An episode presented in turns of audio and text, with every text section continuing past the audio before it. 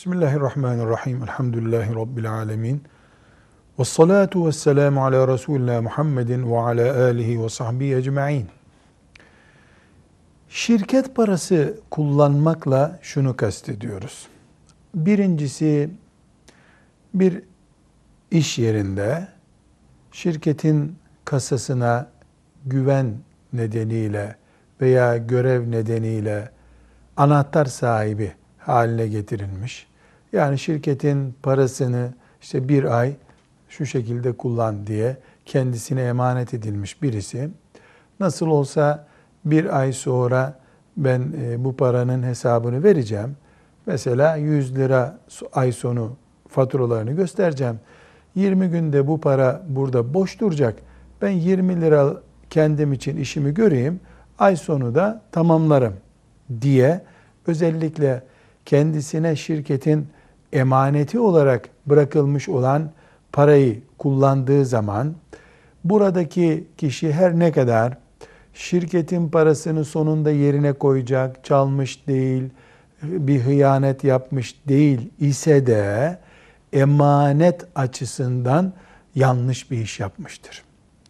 Bu şirketin kasasına güvenildiği için konmuş birisi emaneten de olsa şirketin parasını kullanmamalıdır.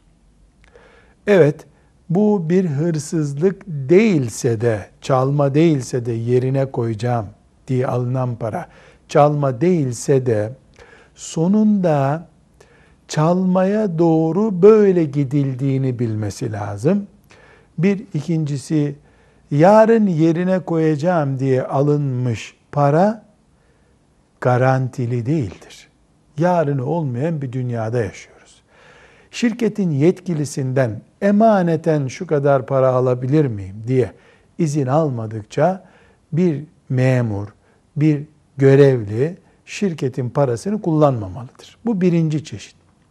İkinci olarak şirketin personeline şu maksatla sana veriyorum diye tahsis ettiği para vardır. Mesela personeline sana şu kadar para veriyorum, şu dil kursuna git.